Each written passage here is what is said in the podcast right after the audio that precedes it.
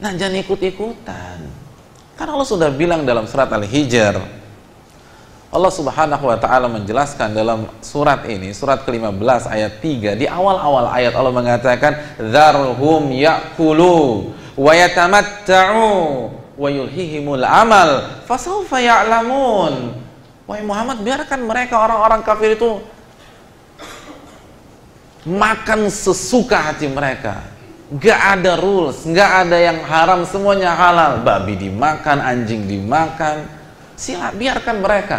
Dan biarkanlah mereka bersenang-senang dengan bebas sebebas-bebasnya. Dan biarkan mereka tertipu dengan angan-angan kosong mereka. Kenapa? Fasaufa ya'lamun. Karena sebentar lagi juga mereka nyesel. Nggak lama. Oke, Anda suka-suka di dunia berapa tahun sih? Paling 30 tahun. Lalu setelah itu azab di alam kubur. Cuma 30 tahun. Lalu Anda korbankan ribuan tahun di alam kubur.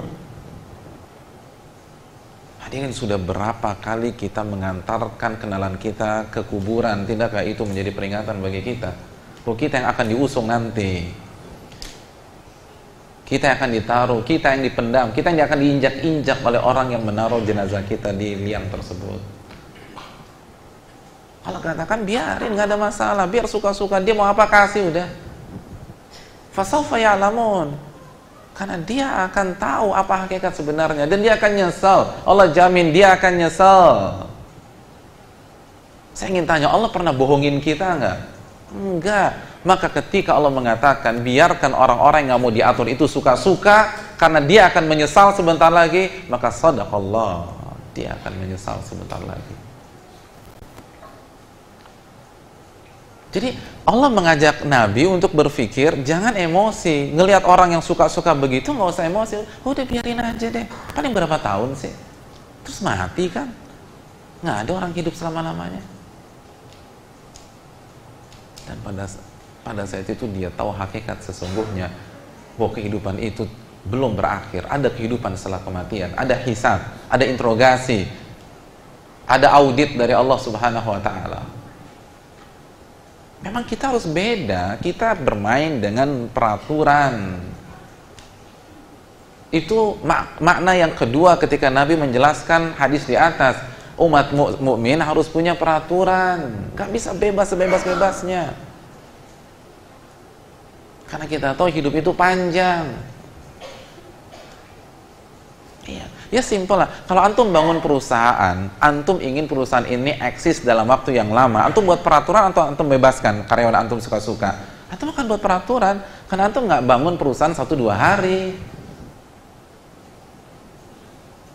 Karena kalau antum bebaskan, siap-siap bangkrut di pekan kedua, hancur. Semua yang bebas itu nggak ada yang bagus.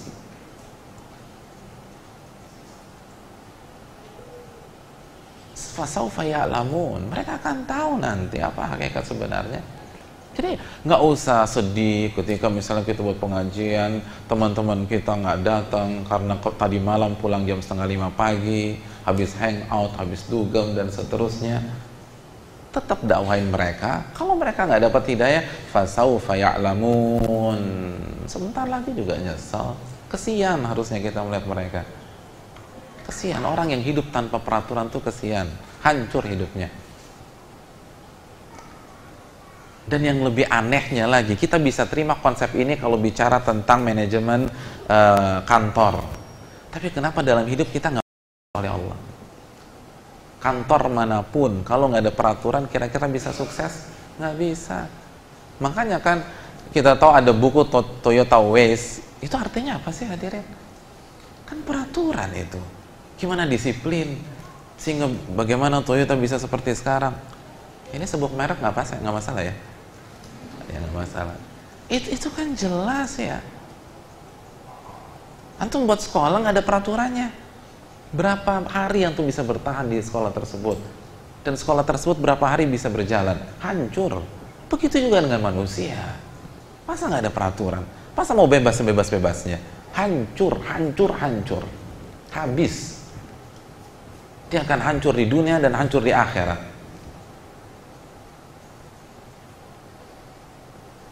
Tapi syaitan kan cerdas. Syaitan berikan kita angan-angan. Angan-angan semu. Makanya Allah katakan wa yulhihimul amal. Mereka mabuk dengan angan-angan kosong mereka. Nggak ada hakikatnya. Oleh karena itu, kembalilah kepada peraturan Allah. Ad-dunya sijunul mu'min. Maksudnya dunia itu ada peraturannya. Nggak bisa bebas. Dan itu untuk kebaikan kita sendiri. Makna yang ketiga hadirin yang dirahmati oleh Allah.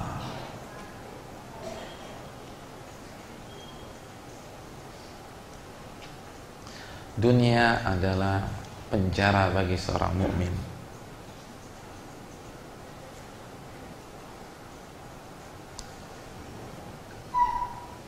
Apa maknanya? Dijelaskan oleh Imam As-Sahrurdi bahwa seorang mukmin harus memiliki harapan ekspektasi keinginan untuk keluar dari dunia dan kembali kepada Allah Subhanahu wa taala.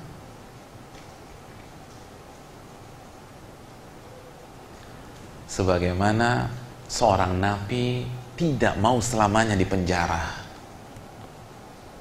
Dunia adalah penjara seorang mukmin. Tidak ada orang yang mau selamanya di penjara. Dia punya harapan untuk keluar suatu saat nanti. Dan itu impiannya, itu harapannya.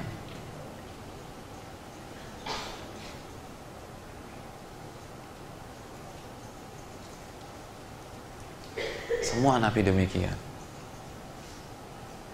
Mereka ingin ketemu keluarganya kembali.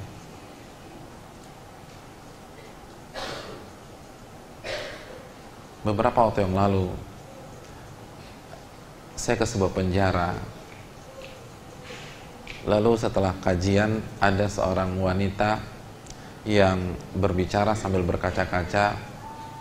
Anak-anak tunggu di rumah, Pak Ustadz saya sudah kangen bertemu dengan mereka itu perasaan dari seorang yang ada di penjara hadirin. Maka kalau kita beriman tanya pada diri kita adakah harapan itu pada saat kita hidup di dunia? Adakah harapan untuk bertemu dengan Allah?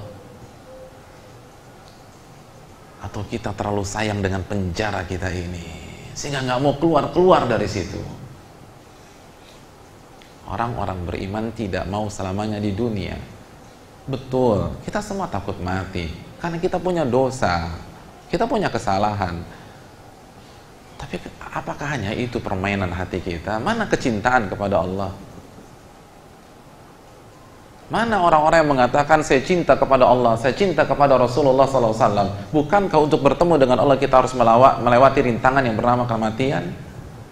Kita nggak bisa selama-lamanya di dunia. Kalau kita nggak punya perasaan tersebut, bohong besar kita hadirin. Ketika kita mengaku beriman kepada Allah, ketika kita mengaku cinta kepada Allah Subhanahu wa taala. Karena orang yang sedang jatuh cinta ingin ketemu dengan kekasihnya. Semua berslogan cinta Rasul, cinta Rasul, cinta Rasul. Tapi siapa yang ingin bertemu dengan Rasulullah SAW? Dan konsekuensi bertemu Rasul, Anda harus tinggalkan dunia harus ada perasaan ingin kembali ke akhirat. Dan itu tidak mungkin kecuali benar-benar kita cinta kepada Allah dan Rasulnya dan persiapan dari sekarang. Karena kalau dosa kita teramat banyak dan cinta itu hanya ada di lisan kita tidak akan mau berpisah dengan dunia. Karena kita tahu depan kita adab kubur. Karena kita tahu depan kita adalah adab neraka karena kita tahu betapa mencekamnya hari kiamat. Tapi bukankah ada dalil-dalil yang mengatakan bahwa orang-orang yang Allah cintai akan Allah naungi pada hari kiamat? Allah akan berikan kenikmatan kubur. Oleh karena itu tunjukkan rasa cinta kita dalam kehidupan kita sehari-hari. Hadirin yang dirahmati oleh Allah. Al-Imam Qurtubi dalam kitabnya At-Tadhkirah membawakan riwayat yang dialami oleh Nabi Ibrahim alaihissalam. Nabi Ibrahim alaihissalam, bapaknya para nabi dan rasul. Anna malakal maut jaa ila Ibrahim alaihissalam. Suatu saat malaikat maut mendatangi Nabi Ibrahim alaihissalam untuk mencabut nyawa Nabi Ibrahim alaihissalam.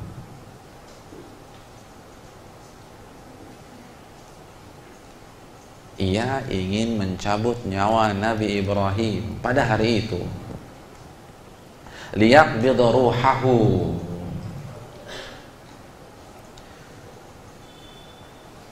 Faqala Ibrahim Ibrahim cerdas hadirin dan di sini beliau perlihatkan level beliau, kecerdasan beliau dan kepintaran beliau. Apa kata Nabi Ibrahim? Ya malakal maut, Wahai malaikat pencabut nyawa, hal ra'aita khalilan yaqbidu ruha khalilih? Bagaimana menurut Anda? Apakah mungkin seorang pihak yang mencintai seseorang tega mencabut nyawa kekasihnya tersebut? Apa makna beliau? Apa makna ucapan beliau? Apa gelar Nabi Ibrahim? Khalilullah, kekasih Allah. Nabi Ibrahim kekasih Allah. Berarti Allah cinta tidak dengan Nabi Ibrahim? Cinta apa tidak? Cinta sekali.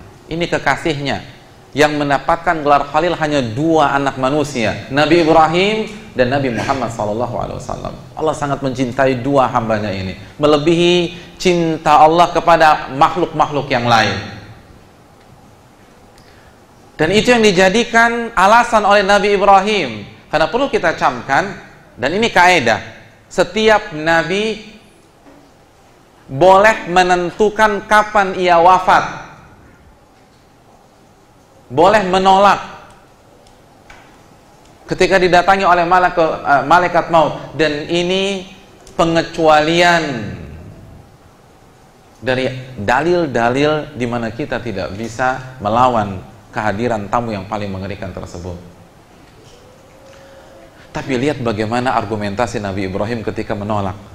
Nabi Ibrahim tidak mengatakan saya nggak mau. Padahal kalau mengatakan saya nggak mau saja selesai masalah. Tapi lihat Nabi Ibrahim. Wahai malaikat maut. Menurut Anda, mungkinkah seseorang tega mencabut nyawa kekasihnya? Tega apa enggak? Gak mungkin. Kalau seseorang pasti nggak tega mencabut nyawa kekasihnya, apalagi Allah. Lalu Anda datang ke sini mau mencabut nyawa saya? Itu malaikat maut diam, nggak bisa ngomong Iya benar juga ya. Gak mungkin ada orang yang tega mencabut nyawa kekasihnya. Apalagi Allah. Falillahil mathalul a'la. Terlebih lagi Allah. Gak mungkin lah. Ya udah, misi dibatalkan. Gak jadi. Dan ini boleh secara syari. Artinya ini bukan khurafat. Untuk Nabi boleh mereka menolak. Malaikat malaikat maut tidak bisa menjawab. Akhirnya apa yang terjadi? Dia lapor ke Allah subhanahu wa ta'ala. Ya Allah saya sudah mau cabut nyawa kekasih engkau Ibrahim alaihissalam tapi sebelum saya cabut dia berargumentasi demikian. Apakah mungkin ada seseorang yang tega mencabut nyawa kekasihnya Ya nggak ada, apalagi engkau ya Allah yang begitu saya tahu banget, begitu sayang dengan Nabi Ibrahim.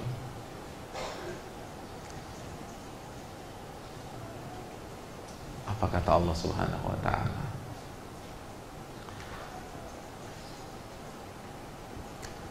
Allah Subhanahu wa taala mengatakan, "Wahai malaikat maut, kembali lagi ke Ibrahim.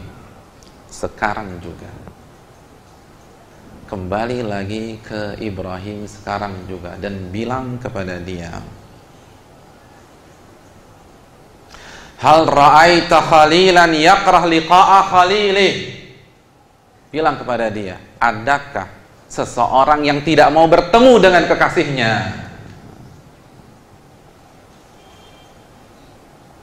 Tanya kepada dia, Anda cinta tidak kepada Allah? Dan bagaimana menurut Anda, adakah seseorang yang sedang jatuh cinta tidak mau bertemu dengan kekasihnya? Pertanyaan itu disampaikan ke Nabi Ibrahim. Allah menyampaikan ini kepada engkau Ibrahim. Bagaimana menurut engkau apakah ada seseorang yang tidak mau bertemu dengan kekasihnya? Itu Nabi Ibrahim diam dan hanya mengatakan ikbit ruhi sa'ah. Cabut nyawaku sekarang juga.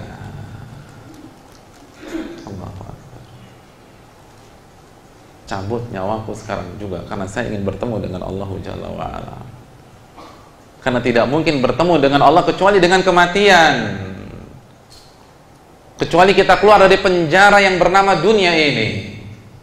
Cabut nyawaku sekarang juga maka malaikat maut mencabut nyawa Ibrahim dan beliau kembali kepada Allah Subhanahu wa taala. Pertanyaan yang sama kembali kepada diri yang berbicara dan kita semua sanggupkah kita mengatakan apa yang dikatakan Nabi Ibrahim alaihissalam? Ketika malaikat maut ada di depan kita lalu kita katakan dengan bangganya cabut nyawaku sekarang juga saya ingin bertemu dengan Allah.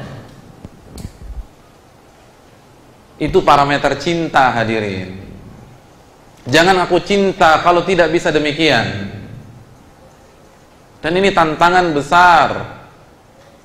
Bisakah kita mengatakan demikian ketika malaikat maut ada di hadapan kita? Ikbit ruhi sa'ah. Cabut nyawaku sekarang juga. Atau kita justru lari. Karena sebenarnya kita nggak cinta kepada Allah, nggak cinta kepada Rasulullah. Semua hanya omong kosong belaka.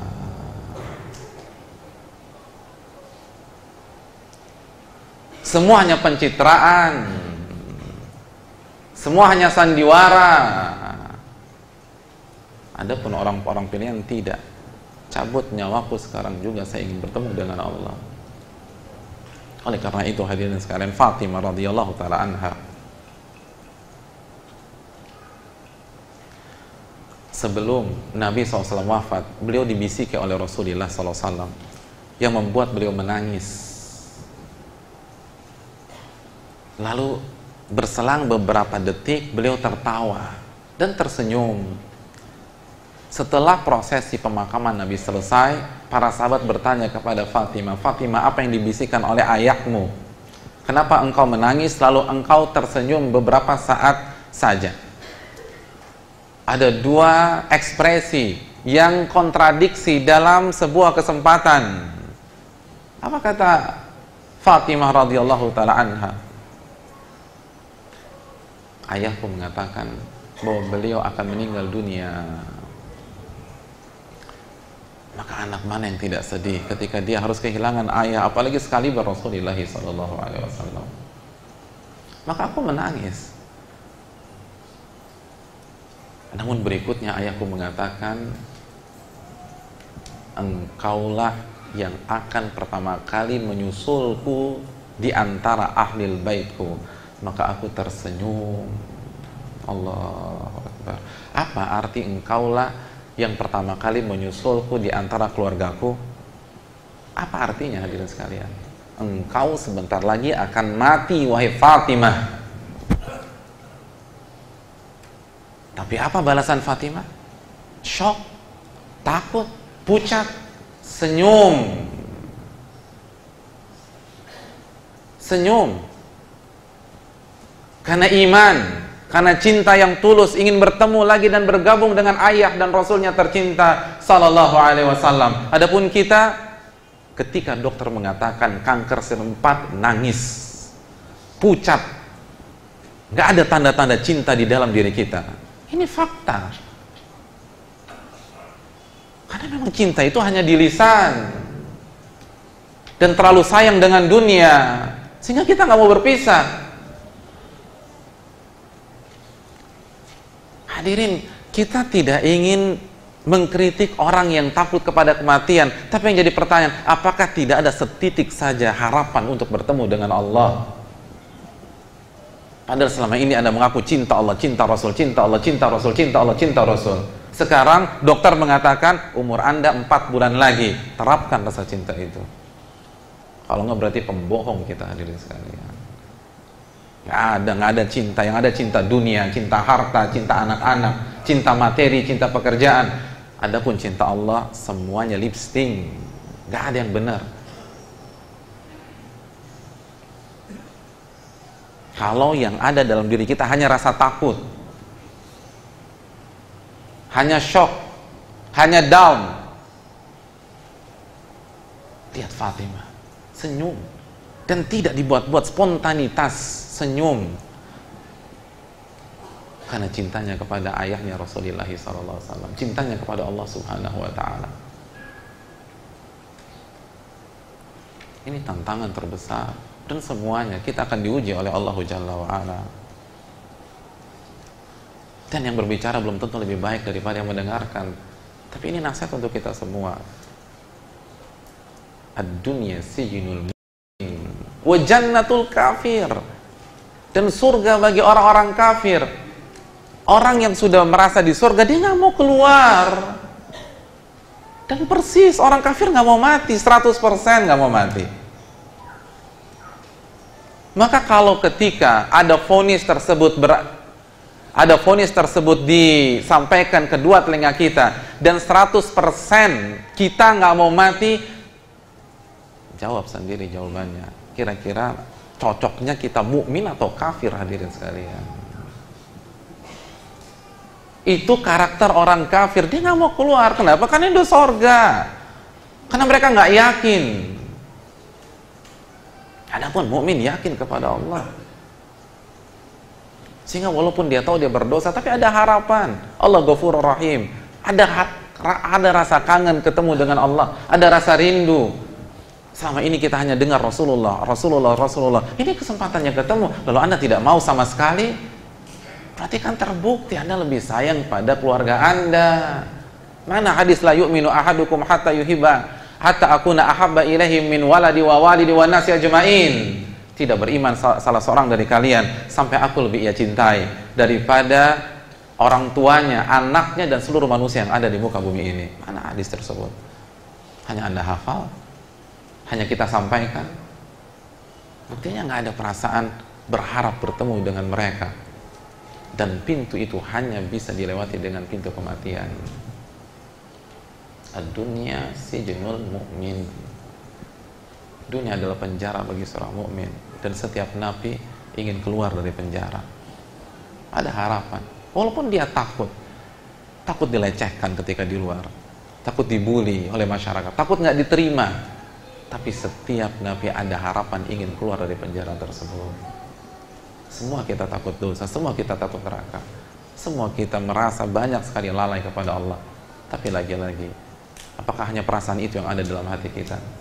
Tidak adakah rasa rindu bertemu dengan Allah dan Rasulnya Sallallahu Alaihi Wasallam? Ini yang perlu kita jawab bersama-sama dan kita renungkan setelah kajian ini.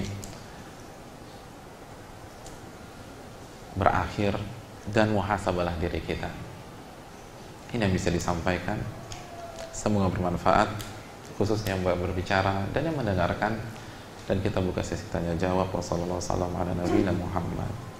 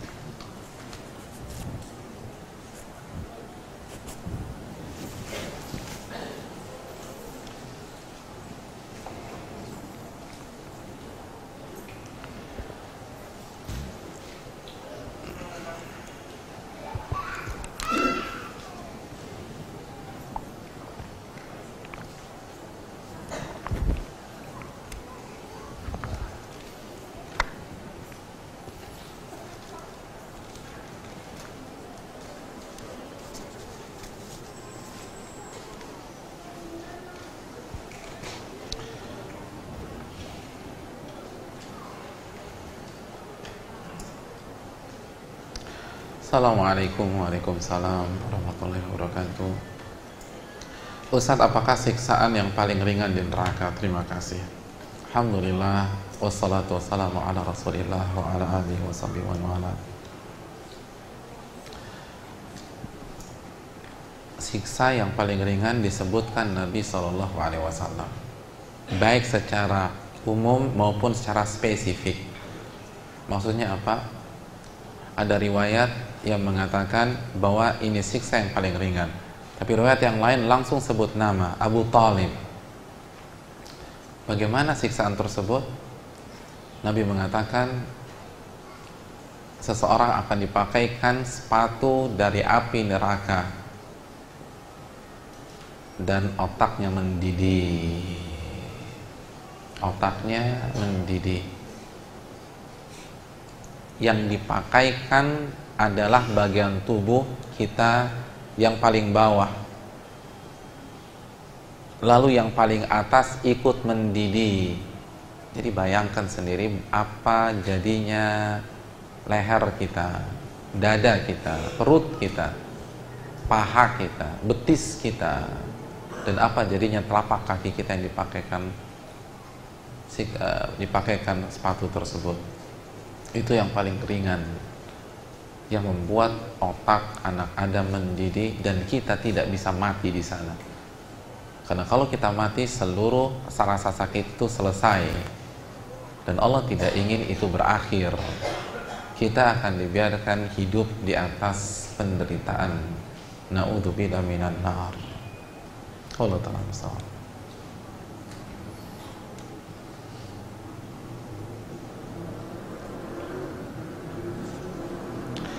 Assalamualaikum Ustaz. Waalaikumsalam. Mendengar penjelasan Ustaz tentang siksa yang paling ringan di neraka Saya jadi sangat takut. Apakah siksa itu akan tetap ditimpakan kepada orang mukmin Yang melakukan dosa besar Tapi telah bertobat kepada Allah subhanahu wa ta'ala? Hadirin yang dirahmati oleh Allah subhanahu wa ta'ala.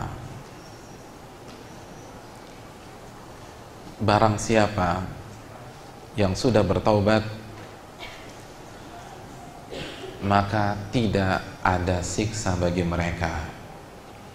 Nabi bersabda, "Atta ibu minadan bikaman ladan balah." Orang yang sudah bertobat seakan-akan dia tidak berdosa.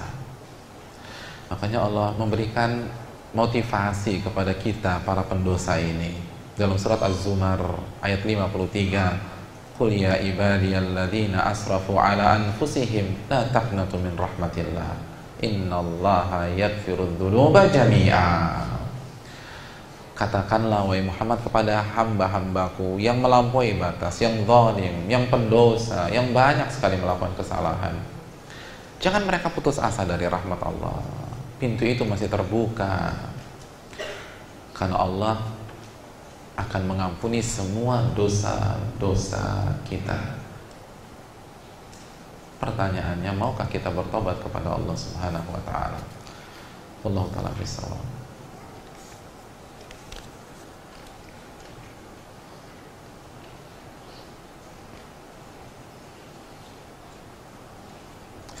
Ustaz saya punya saudara yang taat sholat, rajin sedekah, dan berbakti pada orang tua.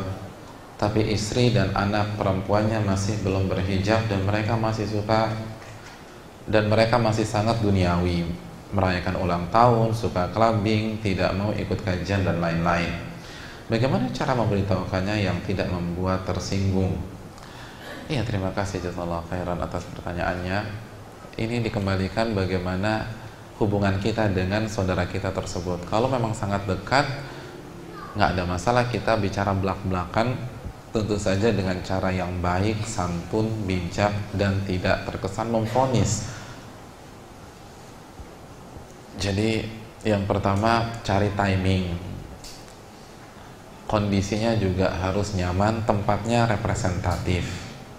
Jadi lihat timingnya nyaman atau enggak. Tepat apa enggak. Dia lagi fresh atau lagi capek. Terus yang kedua, eh, jangan pakai bahasa memfonis atau bahasa seorang guru tapi coba bicara sebagai seorang saudara, sahabat, teman yang saling mensupport satu dengan yang lain. Kita bisa bawakan beberapa artikel terus kita sodorkan kepada beliau dan minta beliau uh, menanggapi. Gimana nih gitu loh. Kayaknya kita uh, kita semua gunakan bahasa atau kata ganti kita. Jangan anda atau antum atau lo atau uh, kamu buat seolah-olah kita semua terlibat dan bermasalah dalam kasus ini. Jadi gimana ini kayaknya tidak sesuai atau apa yang dikritik oleh Allah dan Rasulnya kok kita kerjain semua ya di sini ya? Dan minta uh, saudara kita bersikap tegas karena dia laki-laki dia suami dan dia seorang ayah dan Nabi mengatakan la yadkhul jannata dayyuth tidak masuk surga seseorang yang tidak punya rasa cemburu membiarkan keluarganya bermaksiat tanpa diingkari, tanpa dinasehati. Jadi nggak ada cemburu-cemburunya ketika syarat Allah dilanggar oleh istri dan anak-anak. Itu dayuth dan Nabi katakan tidak masuk surga. Dan katakan kepada dia dia akan ditanya oleh Allah. Kullukum ra'in wa kullukum mas'ulun an ra'iyati. Setiap Anda adalah pemimpin dan Anda akan ditanya tentang orang-orang yang Anda pimpin. Wallahu taala bisalam.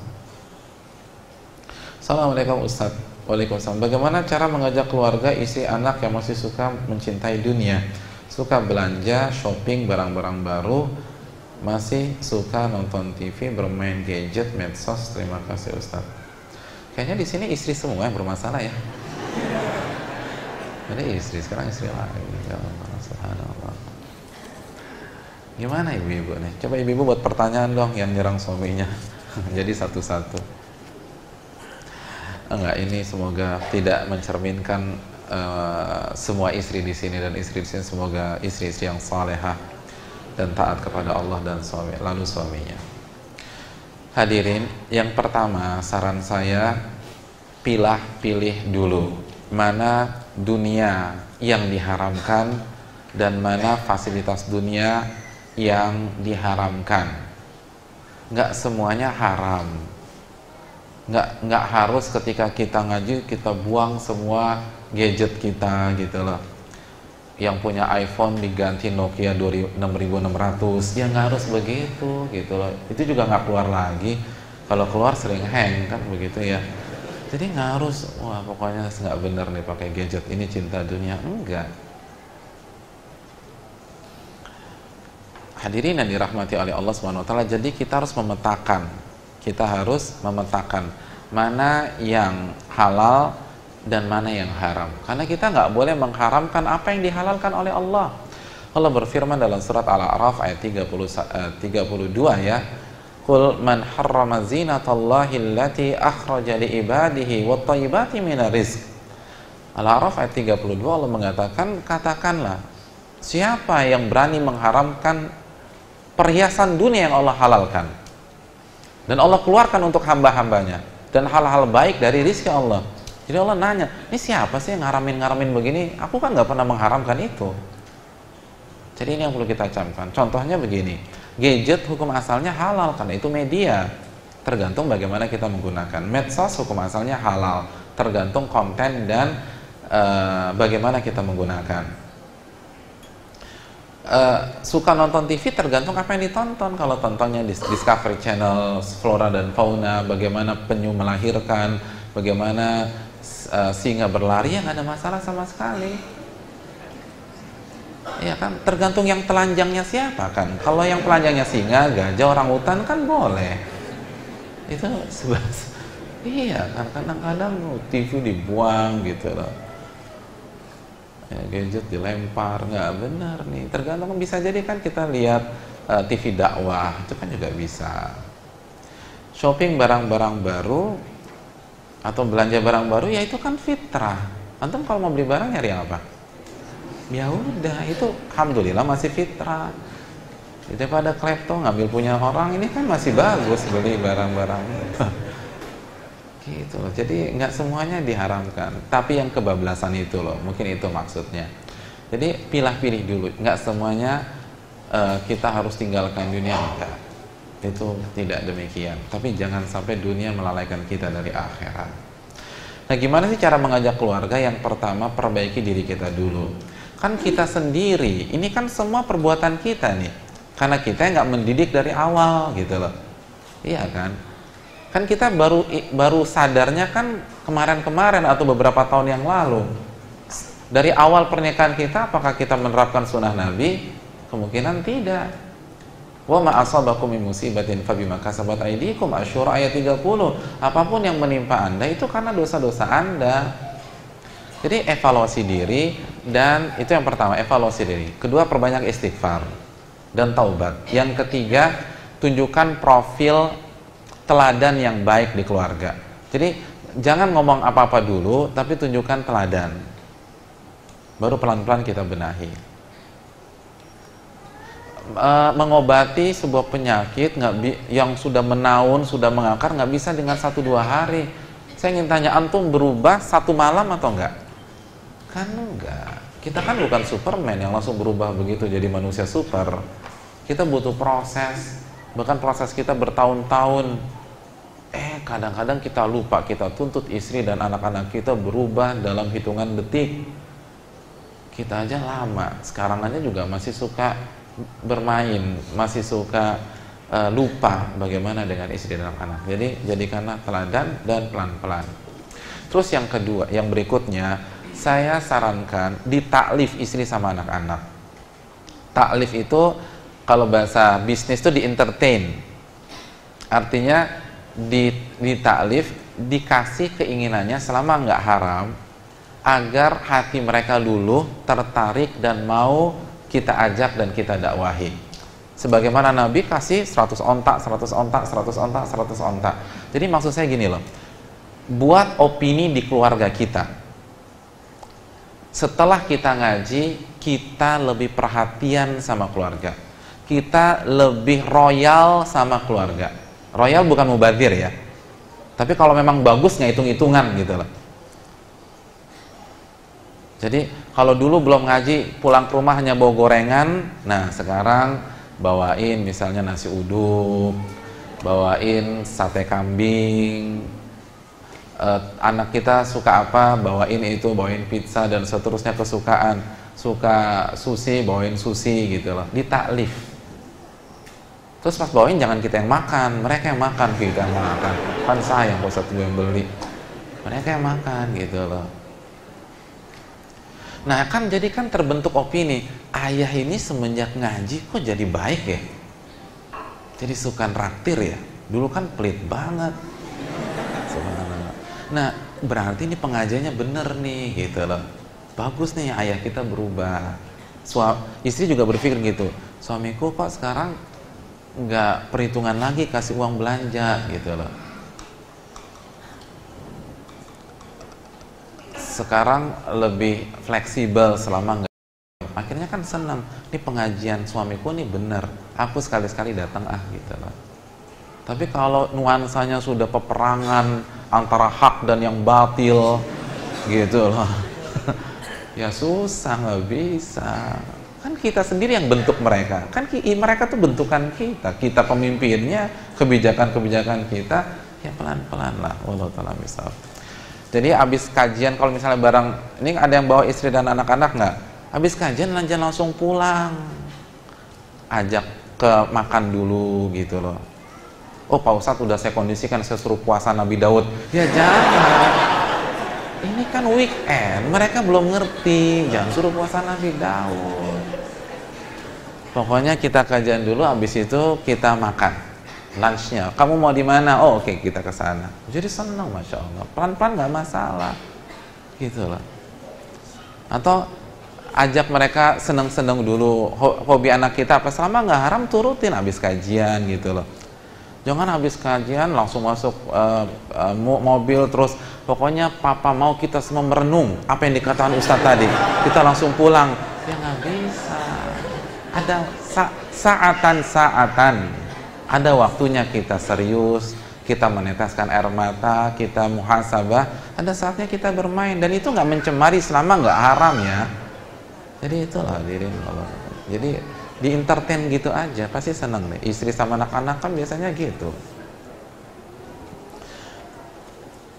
Aku lagi pengen tas nih pak gitu loh. Tiba-tiba besok bawain tas kesukaannya gitu kan. Saya ingin kita kita langsung aja lah. Ini kan ada ibu-ibu di atas. Bu kalau suami ibu eh ketika ibu pengen tas tiba-tiba suami ibu belikan tas kesukaan ibu. Besok mau diajak ke pengajian nggak bu? Oh benar.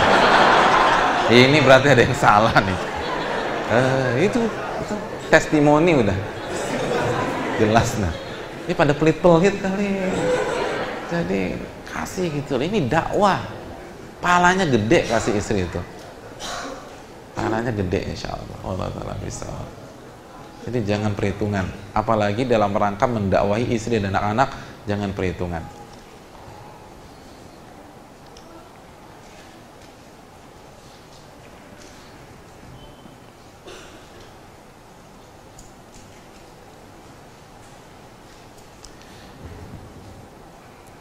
Ustadz sebelum menikah saya banyak mencapai prestasi dunia karena banyak diberi kemudahan oleh orang tua saya dan saya tidak diajarkan agar kuat menghadapi kehidupan.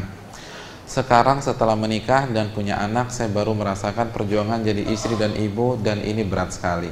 Saya tidak menyangka surga akan selelah ini. Oh ini kritikan buat suami, jadi satu sama nih. Terkadang saya ingin menyerah saking lelah fisik dan hati menjadi istri dan ibu bagaimana mengatasi rasa futur ini. Terima kasih jazakallah khairan. Semoga uh, masalah kita yang menjadi istri dan suami tadi itu dimudahkan oleh Allah Subhanahu wa taala. Hadirin selalu lihat dari uh, dua sisi dan dua uh, arah yang berbeda. Jangan hanya melihat uh, beban itu sebagai sebuah beban, tapi lihatlah sisi positifnya, hikmahnya, positif thinking lah ketika menghadapi masalah dalam keluarga.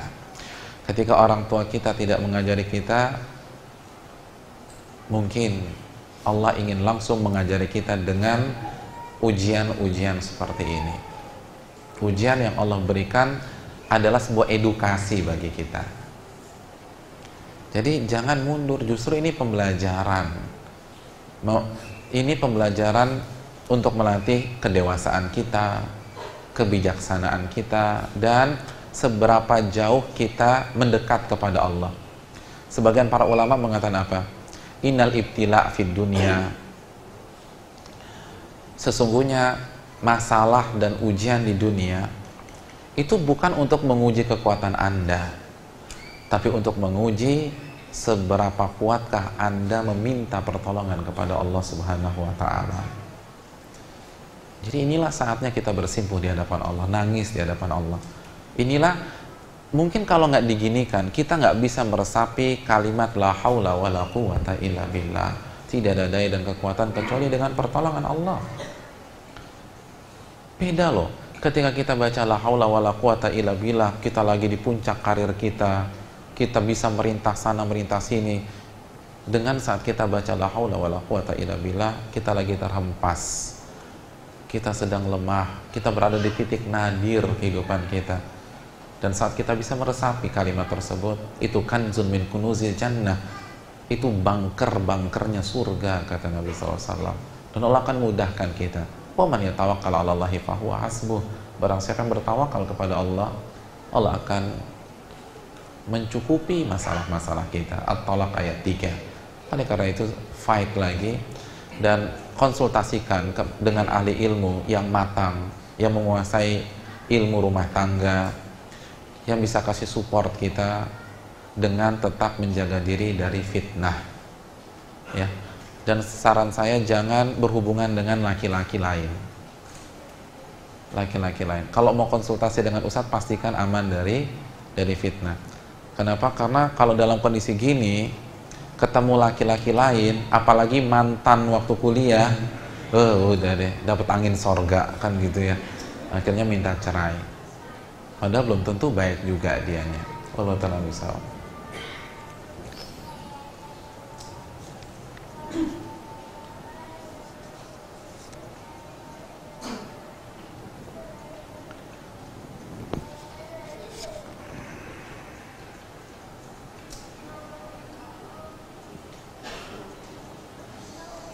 Assalamualaikum Ustaz. Waalaikumsalam. Apa hukumnya ucapan selamat Natal kepada orang kafir? Dan bolehkah kita ucapkan selamat Natal? Hadirin yang dirahmati oleh Allah Subhanahu wa taala, toleransi dalam Islam adalah harga mati. Harga mati. Allah berfirman dalam surat Al-Mumtahanah ayat 8, "La yanhakumullahu 'anil ladzina la 'anil ladzina lam yuqatilukum fid din wa lam yukhrijukum min diyarikum." Allah nggak pernah melarang kalian berbuat baik kepada orang-orang kafir yang tidak pernah memerangi kalian dan tidak mengusir kalian dari rumah kalian. Ayat ini menjadi pelajaran kepada kita kita harus berbuat baik dengan orang-orang kafir yang tidak mengganggu kita. Toleransi adalah harga mati. Namun sebagaimana sholat ada batasnya, toleransi pun ada batasnya hadirin. Saya ingin tanya, ada orang semangat sholat duhur akhirnya tujuh rakaat, boleh nggak? Nggak boleh sholat duhur kan udah ada batasnya. Empat pak. Jangan tambah tiga lagi. Empat sholat duhur itu ada batas. Kalau sholat ada batas mungkinkah toleransi secara mutlak? Jawabannya tidak. Saya ingin bertanya kepada hadirin yang dirahmati oleh Allah Subhanahu wa taala. Dosa yang paling besar di mata Allah itu apa? Kesyirikan dalam surat Luqman Luqman menasehati anaknya ya bunayya la tusyrik billah inna syirka la zulmun azim. Wahai anakku, jangan engkau melakukan kesyirikan dengan uh, terhadap Allah. Karena sesungguhnya kesyirikan adalah dosa yang paling besar. Dan saya ingin tanya, ketika seseorang meyakini ideologi Trinitas, itu masuknya ke mana tuh? Syirik bukan? Syirik.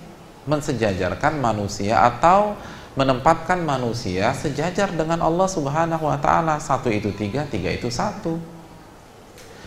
Nah, berikutnya saya ingin tanya.